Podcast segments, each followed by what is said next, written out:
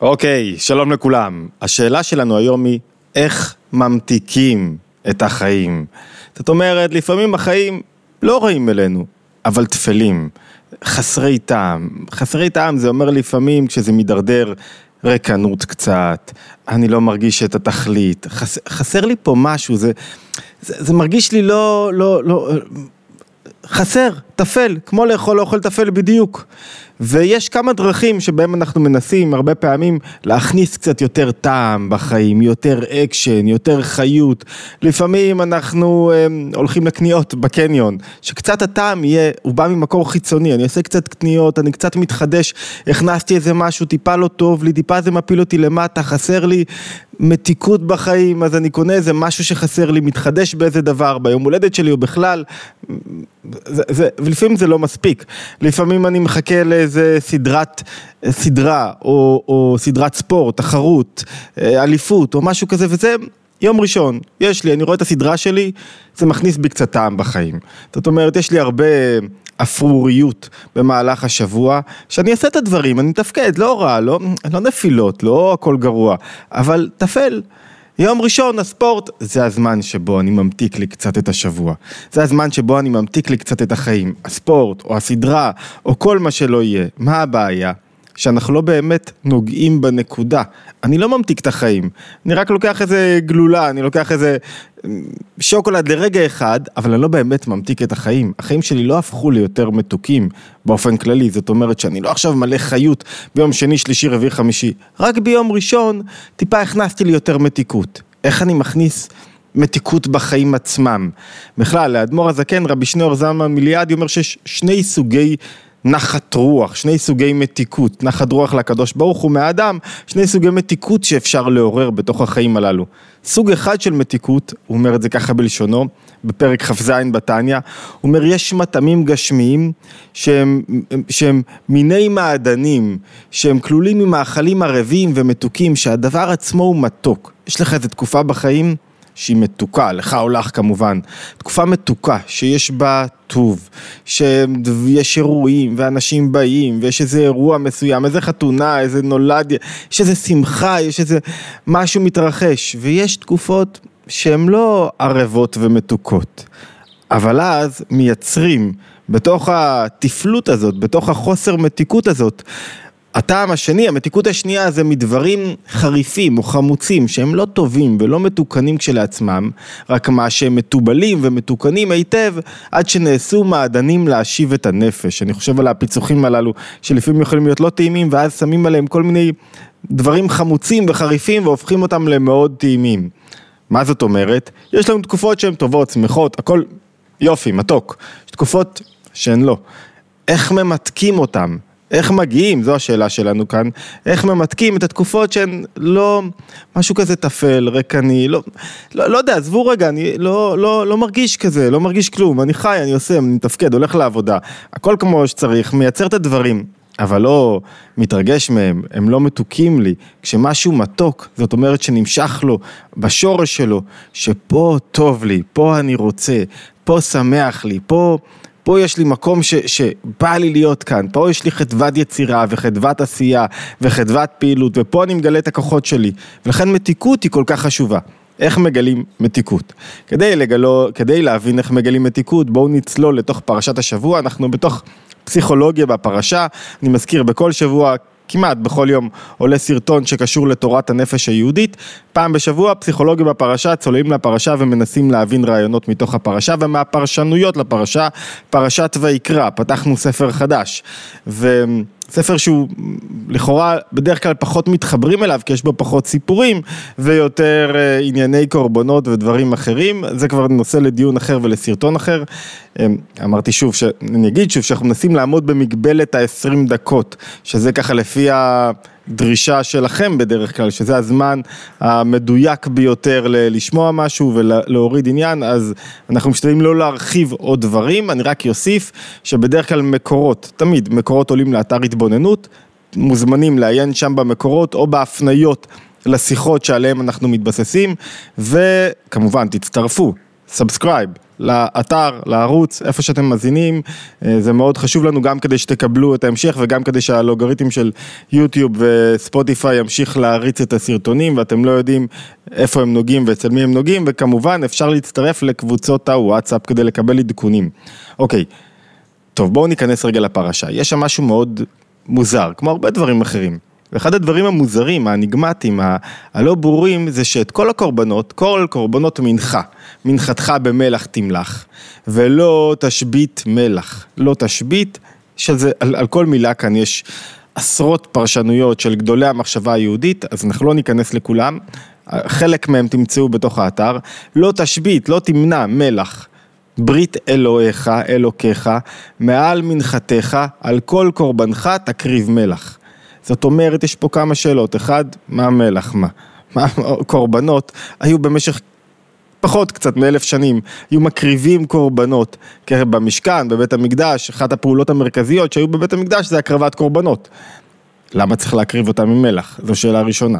שתיים, זה ברור לכולם שאף אחד, שכל אחת מהפעולות שנעשו במשכן ובמקדש, יש להם היבט רוחני. זאת אומרת, הם באים לידי ביטוי בחיים עצמם, ב, לא בחיים עצמם כפי, של, כפי שהם, אלא כפי שהם צריכים להיראות, כפי שאני רוצה לראות את החיים שלי. זאת אומרת, המקדש במידה מסוימת הוא, אה, הוא כזה תמונת המצב הנפשית, הרוחנית, האידיאלית של האדם, שאליה הוא צריך לשאוף.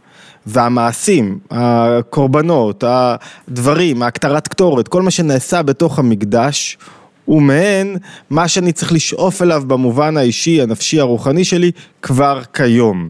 זאת אומרת, יש בזה לקחים רוחניים נפשיים בכל המעשים שנעשו בתוך המקדש לטובת החיים שלי. ואם אני מקשיב טוב, אני יודע איך אני צריך לחיות את החיים. השאלה שלנו היום היא איך ממתיקים קצת את החיים ויש המון שאלות סביב המקדש שכל אחת מהן בפרשנות הפנימית מלמדת איך לחיות חיים שיש בהם גילוי כוחות יותר. למשל אחת הדוגמאות שהשתמשנו בה בלפרוץ את גבולות האישיות זה דווקא שני הכרובים. והיה לנו, יש לי גם שיחה, שיעור על כך בתוך ה... אה, ביוטיוב. אה, שני הכרובים האניגמטיים, המסתוריים שהיו בתוך, ה, מעל הארון הברית, שני הכרובים הללו, שניהם מסמלים אדם שיש לו פנים קטנות, זאת אומרת אדם שאזוק על ידי העולם הרגשי שלו, ואדם שיש לו פנים גדולות, אדם שמצליח להתגבר על העולם הרגשי שלו, על המידות הלא רצויות שלו. והמעבר הזה, זאת אומרת, רק כשאני נכנס לקודש הקודשים אני מצליח לעבור מתינוק שעסוק רק בעצמו, באגוצנטריות שלו, במה שהוא מקבל, לאדם שיכול להתפתח ולא עסוק רק בעצמו, אלא עסוק במה שהוא נותן לעולם, איך הוא מגלה את הכוחות שלו, איך הוא, מה השליחות שלו בחיים. והמעבר הזה בא לידי ביטוי בתוך המקדש. לא, לא, לא, לא, לא מרחיב כאן, אני רק מציין למה שאמרתי, שהמקדש מסמל מבחינה רוחנית כל ההיבטים, כל העבודות, כל מה שיש שם, את איך האדם צריך לחיות, איך הוא מגלה תנועות רוחניות, נפשיות, נכונות בתוך חייו. והתנועה שעליה אנחנו רוצים לדבר, עליה אנחנו רוצים לדבר היום, היא המתקת החיים. אוקיי, המתקת החיים למה צריך להקריב את כל הקורבנות במלח? מה הרעיון של הקרבת הקורבנות במלח? יש עשרות רבות של פרשנויות, אני אקח כמה מהם ואז ניכנס ל... ממש מעט וניכנס לפרשנות אדמו"ר הזקן, רבי שניאור זלמן מיליאדי בתוך ליקוטי תורה שלו, בתוך ה... אחת השיחות שלו על פרשת השבוע. קודם כל, באופן כללי, מהו קורבן? קורבן זה שאני מביא משהו מעצמי אני מקריב משהו מעצמי במטרה אחת, כדי להתקרב, כדי להשיג יותר, כדי להצליח, כדי להיות מחובר למשהו. זאת אומרת, כל פעם שמישהו צריך לעשות, רוצה להשיג הישג כלשהו בחיים, הוא חייב להקריב קורבן. אתה רוצה להיות, זה, זה נושא שדיברנו עליו, אתה, אתה רוצה להיות טוב בספורט, אתה חייב להקריב משחקים עם החבר'ה. אתה רוצה להצליח במשהו, אתה חייב להקריב הרבה רצונות אחרים, את מה אתה מקריב? אתה מקריב את הרצון האגוצנטרי, הזמני, המיידי שלך עכשיו, כדי להשיג משהו לטווח ארוך. כל חיבור, ובייחוד חיבור עם הבורא, מחייב הקרבה של דברים מסוימים. של מה? של הרצונות הקטנים, המיידיים, הלא אמיתיים שלי, כאלה שתופסים אותי ועוזקים אותי, שאני כל הזמן עסוק, חרדות. צריך להקריב חרדות כדי להתקרב, כדי לחיות חיים של ביטחון. צריך להקריב סטרס.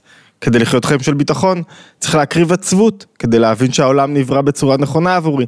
זאת אומרת, כל קורבן הוא ביטוי להתקרבות. הקורבנות שהיו מקריבים בבית המקדש הם ביטוי להתקרבות, מישהו חטא, עשה איזה משהו לא בסדר, באופן כלשהו, לא משנה מה סוג החטא, אז הוא מקריב משהו משל עצמו כדי להתקרב, מעין כפרה. הקורבן צריך להיות תמים, זה עניין אחר, מה זאת אומרת? אתה צריך להקריב משהו באמת, להקריב משהו שלם, אבל צריך שיהיה בו גם מלח. שיקריבו לא תשביתו מלח והמלח, השאלה הראשונה היא למה מלח, השאלה השנייה, מה הקשר בין המלח לבין ברית עם הקדוש ברוך הוא? דווקא המלח הוא זה שקובע את טיב הברית, טיב ואופן הברית עם הקדוש ברוך הוא, הוא עיקר הברית, לא תשבית מלח ברית אלוקיך מעל מלכתך, כל כל ועל כל קורבנך תקריב מלח.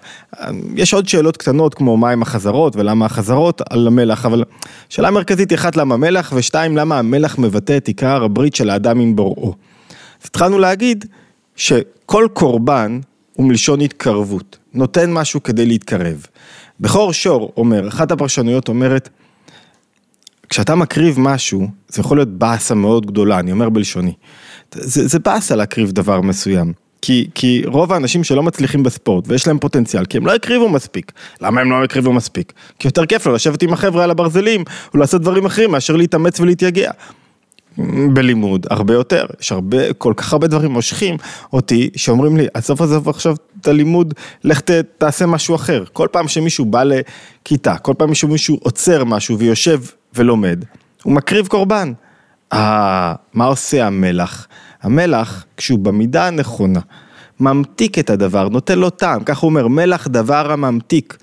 ולכן ציווה, ציווה הקורבנות להקריבו במנחות ובקורבנות, להראות שהקורבנות ברית קיימת לעולם וכפרה. אם תצליח להמתיק את הקורבן שלך, זאת אומרת לגלות את, ה, את ההנאה, את הכיף, את האיכות, את המעלה שבו, אז יהיה לך יותר קל להקריב. יותר קל להקריב ויותר קל להתקרב. זאת אומרת, העולם, בלשון.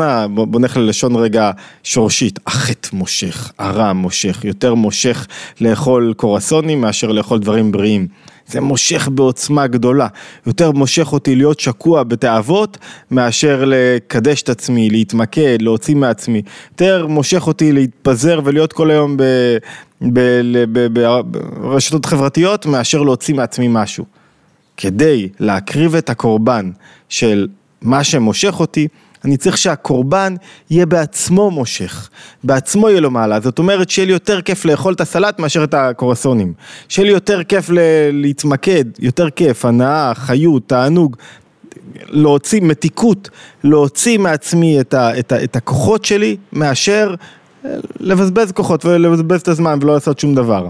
זאת אומרת, מה שאומר הבכור שור ודעת זקנים במילים אחרות, צריך להודיע שבכפרה, בצמיחה, בהתקרבות, בקורבן, בהתקרבות לבורא, יש יותר מתיקות מאשר בהיעדרה, למרות שלכאורה במבט ראשון זה נראה הפוך, במבט פנימי יותר זה נראה שיש יותר מתיקות, ואת המתיקות הזאת אנחנו אחראים עליה. בחינוך זה ניכר בצורה קלאסית. כשמישהו רוצה לקדם ילד לאיזה אה, רעיון, אה, עמדה, אה, אמת מידה מוסרית כלשהי, אז הדבר האחרון שהוא צריך לעשות זה לבוא אליו בביקורת ובקפדנות ובייסורים, כי הוא הרחיק את המתיקות והילד לא ירצה להקריב את הקורבן. אבל אם הוא יעשה, יקרב אותו במתיקות, זאת אומרת, יראה לו את הטוב שבדבר ואת הצמיחה, אתה רוצה לשכנע את הילד שלך במשהו, תזמין אותו לאיזה ארוחה טובה, תיקח אותו לאיזה אירוע, תראה לו את הטוב שבדבר, תראה לו את האיכות, לא, לא, אל תראה לו רק את הכמה רע וכמה אסור. הרבה פעמים על חיים דתיים רואים את זה, שהרבה פעמים אנשים מדגישים את האסור, אסור, אסור, מי רוצה לחיות חיים כאלה, חיים כאלה? קח אותם ממני. אם אתה מדגיש את התענוג, תענוג, התעלות, צמיחה, התקרבות, כרוכים בקורבן. מה לעשות? צריך להקריב משהו, כי בלי הקרבה אין התעלות, ההקרבה דווקא מחדדת את הקשר, מחדדת את החיבור. כשאני מקריב משהו, רק אז יש מתיקות מאוד גדולה של וואו, התאמצתי, יצאתי לרוץ בגשם, אה, השגתי את ההישג הזה. הגעתי, עכשיו זה הרבה יותר מתוק. זה המלח. המלח יוצר מתיקות בקורבן הגשמי. המלח שאנחנו מחפשים בחיינו זה להמתיק קצת את, ה, את הקורבנות שלנו. עדיין זה לא אומר לנו איך. לא אומר לנו איך מקריבים את הקורבן. בואו ניכנס רגע לרבנו בחיי, אנחנו רוצים להבין איך אני ממתיק את הקורבן, איך אני ממתיק את החיים התפלים. רבנו בחיי נותן כמה אה, פרשנויות לסיפור הזה של הקרבת מלח, הוא נותן פרשנות על פי הפשט, ראש, סוד, הוא אומר פרשנות אחת, אני, אני בקצרה כי זה ככה, כדי שנחזור לנקודה המרכזית. פרשנות אחת הוא אומר, דרך כבוד. אתה לא מכבד משהו כשאתה לא תגיש למישהו אוכל בלי מלח. איזה מבקר מסעדות יגיד, האוכל הזה, האוכל טפל. אתה, זה, זה, כשהולכים למקום, אה, בית רפואה, ומגישים אוכל בלי מלח, מטעמי בריאות, אז אנשים אומרים האוכל טפל, מרחיקים אותו מהם. זאת אומרת, אחד מצד כבוד, אתה מקריב קורבן זה בפשט. שתיים, עובדי עבודה זרה, עובדי כוכבים ומוזלות היו נוהגים להרחיק מלח מהקורבנות שלהם כדי שיהיה הרבה דם. הדם הוא הנפש, הדם סופח, המלח סופח את הדם, לכן מקריבים קורבן עם מלח, זו אחת ה... חלק מדיני הכשרות נלקחו מתוך זה כעדות לכך, אבל לא, לא ניכנס לזה. נקודה שלישית, יש מדרש שאומר, שמביא רבנו בחי, אני מזכיר, מזכיר לכם איפה אנחנו, שאומר שהיה אה, מחלוקת בין מים תחתונים למים עליונים, כשנבקעו המים, נהיה הפרדה בין מים תחתונים למים עליונים, המים התחתונים, העולם הזה, רג, כאילו בכה, צעק, רגז, למה אני נגזר עליי להיות תחתון דווקא? אז אמרו לו, או אתה תחתון, עכשיו בזכות המלח שבתוכך יקריבו קורבן. זה יהיה חלק מחובת הקורבן. מה זה אומר? זה עדיין לא אומר שום דבר. עוד מדרש למשל, מדרש מאוד יפה שאומר, אמ, העולם נבנה רע שליש מדבר, שליש יישוב, שליש ים. עמד הים, אמר לפני הקדוש ברוך הוא, ריבונו של עולם, במדבר נתת תורה.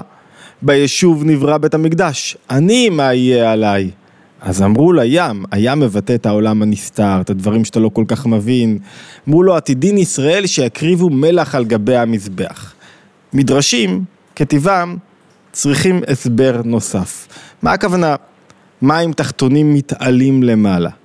מה הכוונה הים מגלה גם את האיכות שלו דרך הקורבן? לשם כך בואו ניכנס לאדמו"ר הזקן, רבי שניאור זלמה מיליאדי, ולפני כן אתם יודעים מה, אני אגיד את הנקודה ב... ב... אני אגיד את הנקודה ואז נלמד אותה אצל אדמו"ר הזקן. שמעתי אתמול, שלשום, אני חושב, שיחה של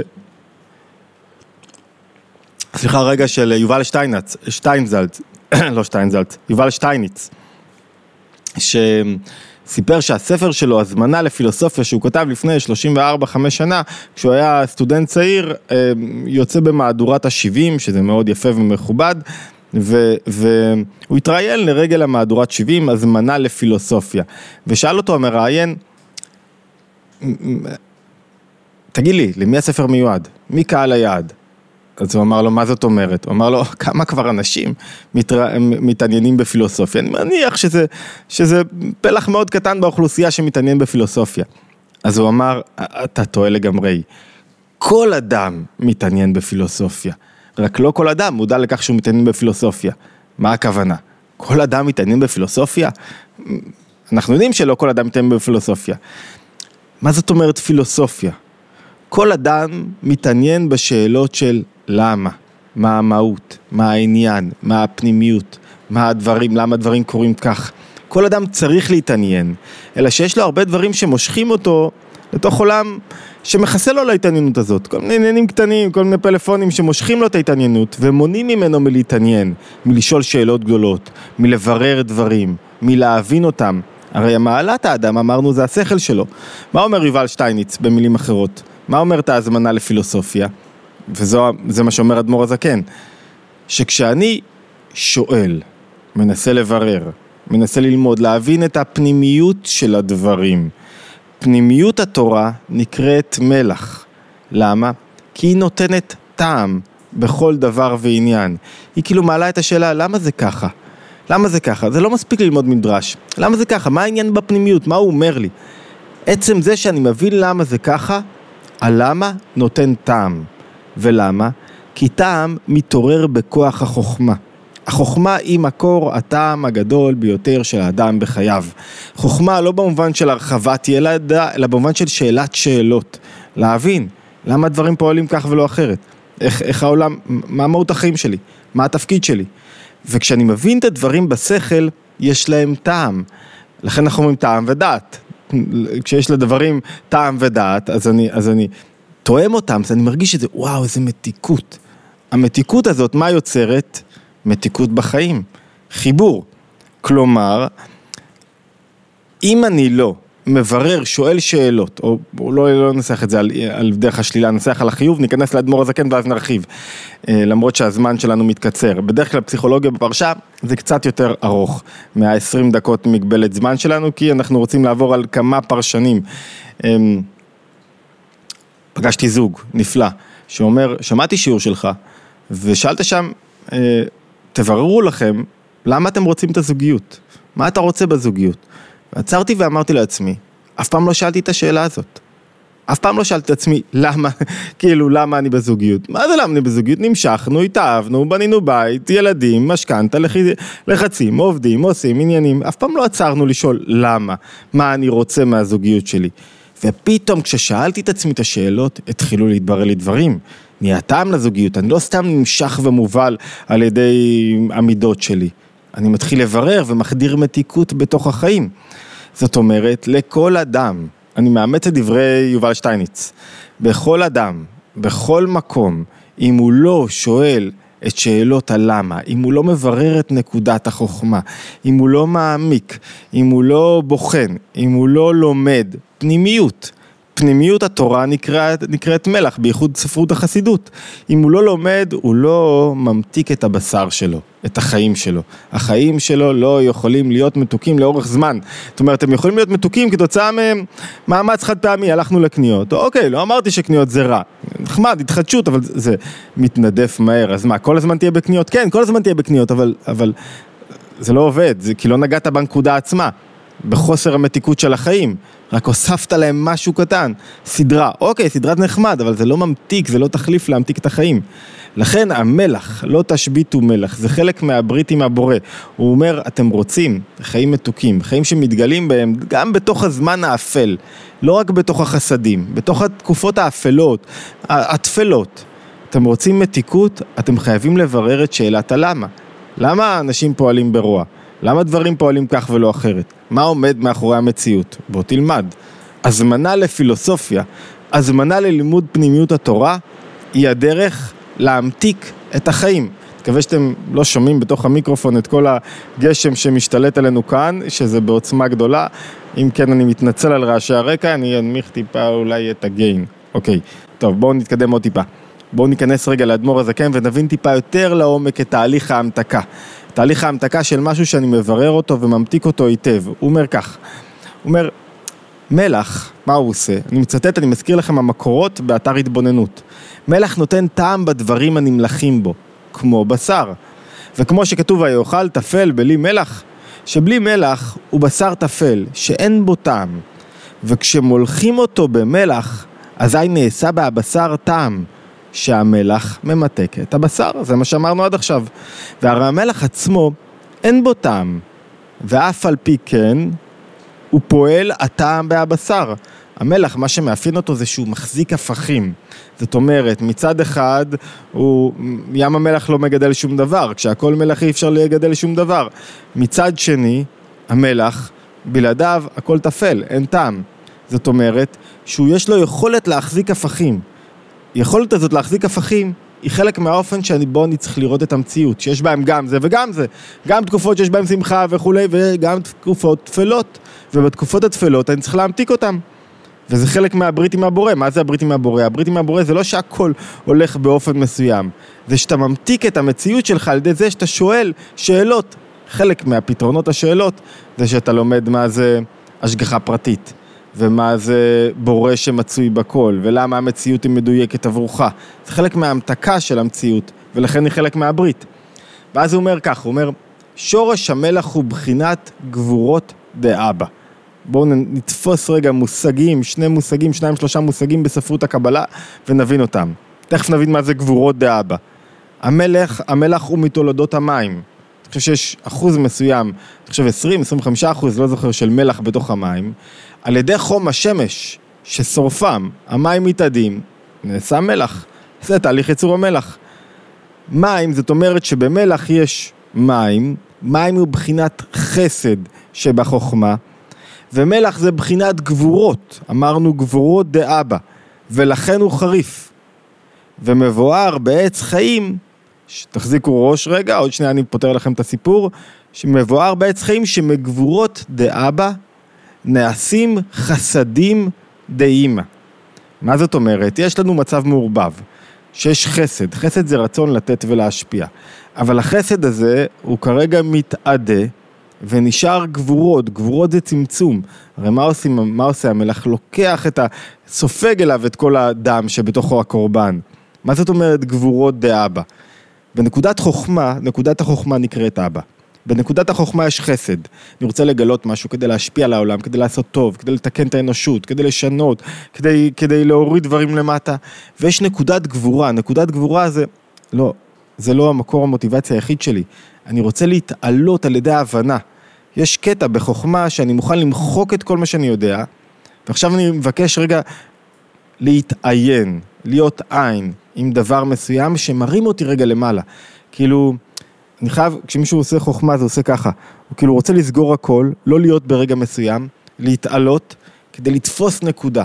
תהליך ההתעלות הזאת, כאילו, שבו אני בעצם מוחק את כל מה שידעתי לרגע, כדי ליצור הבנה חדשה, כדי להתחדש. חוכמה מחייבת תהליך מסוים שנקרא גבורות. גבורות זה גבול שאני שם לעצמי כדי להתעלות. זה כאילו, אני אומר, רגע, רגע, רגע, לא, לא, לא, עכשיו, מעניין אותי לפרוך דברים. זה כמו, אולי נוריד את זה למטה, יש שני אנשים שמקשיבים לרעיון. אחד, כל הזמן מקשיב ושואל, איפה אני מטמיע את זה בחיים שלי? איך זה נוגע אליי? כמה זה רלוונטי אליי?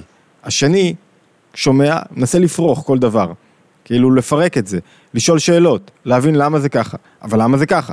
יש כיתה שאני נכנס, מרצה, אז כולם אומרים כן, כן, כן, התלהבו מהרעיונות, ויש כיתה שהוא שואל, אבל למה זה ככה? הוא רוצה להבין. גבורות דעה בזה על למה זה ככה. הלמה זה ככה זה תהליך מסוים שמרומם אותך. למה? כי אתה רגע אחד פורץ את הגבול שלך עצמך, של החיים שנראים כפי שהם נראים, ופתאום מגלה בהם משהו חדש. מגלה בהם מתיקות. גבורות דאבא, יש בזה מרירות של מלח ראשונית, אבל בשילוב עם השאלות זה יוצר מתיקות.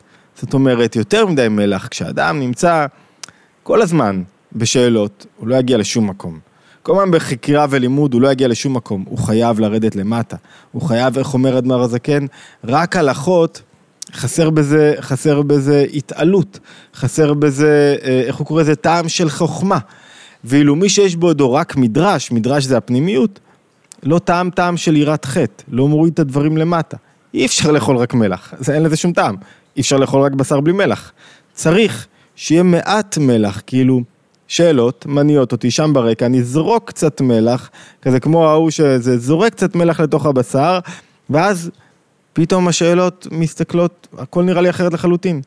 אני פתאום רואה את הדברים באופן שונה, זה כמו לימוד גמרא, מי שמכיר. אתה יכול ללמוד גמרא באופן דקדקני, הלכתי, משעמם לגמרי. אם אתה זורק אליו קצת מלח, אי אפשר, קצת פנימיות, קצת תורת חסידות, קצת הבנה אחרת, זה פתאום אתה אומר, וואו, כל נקודה בגמרא היא פסיכולוגיה שלמה.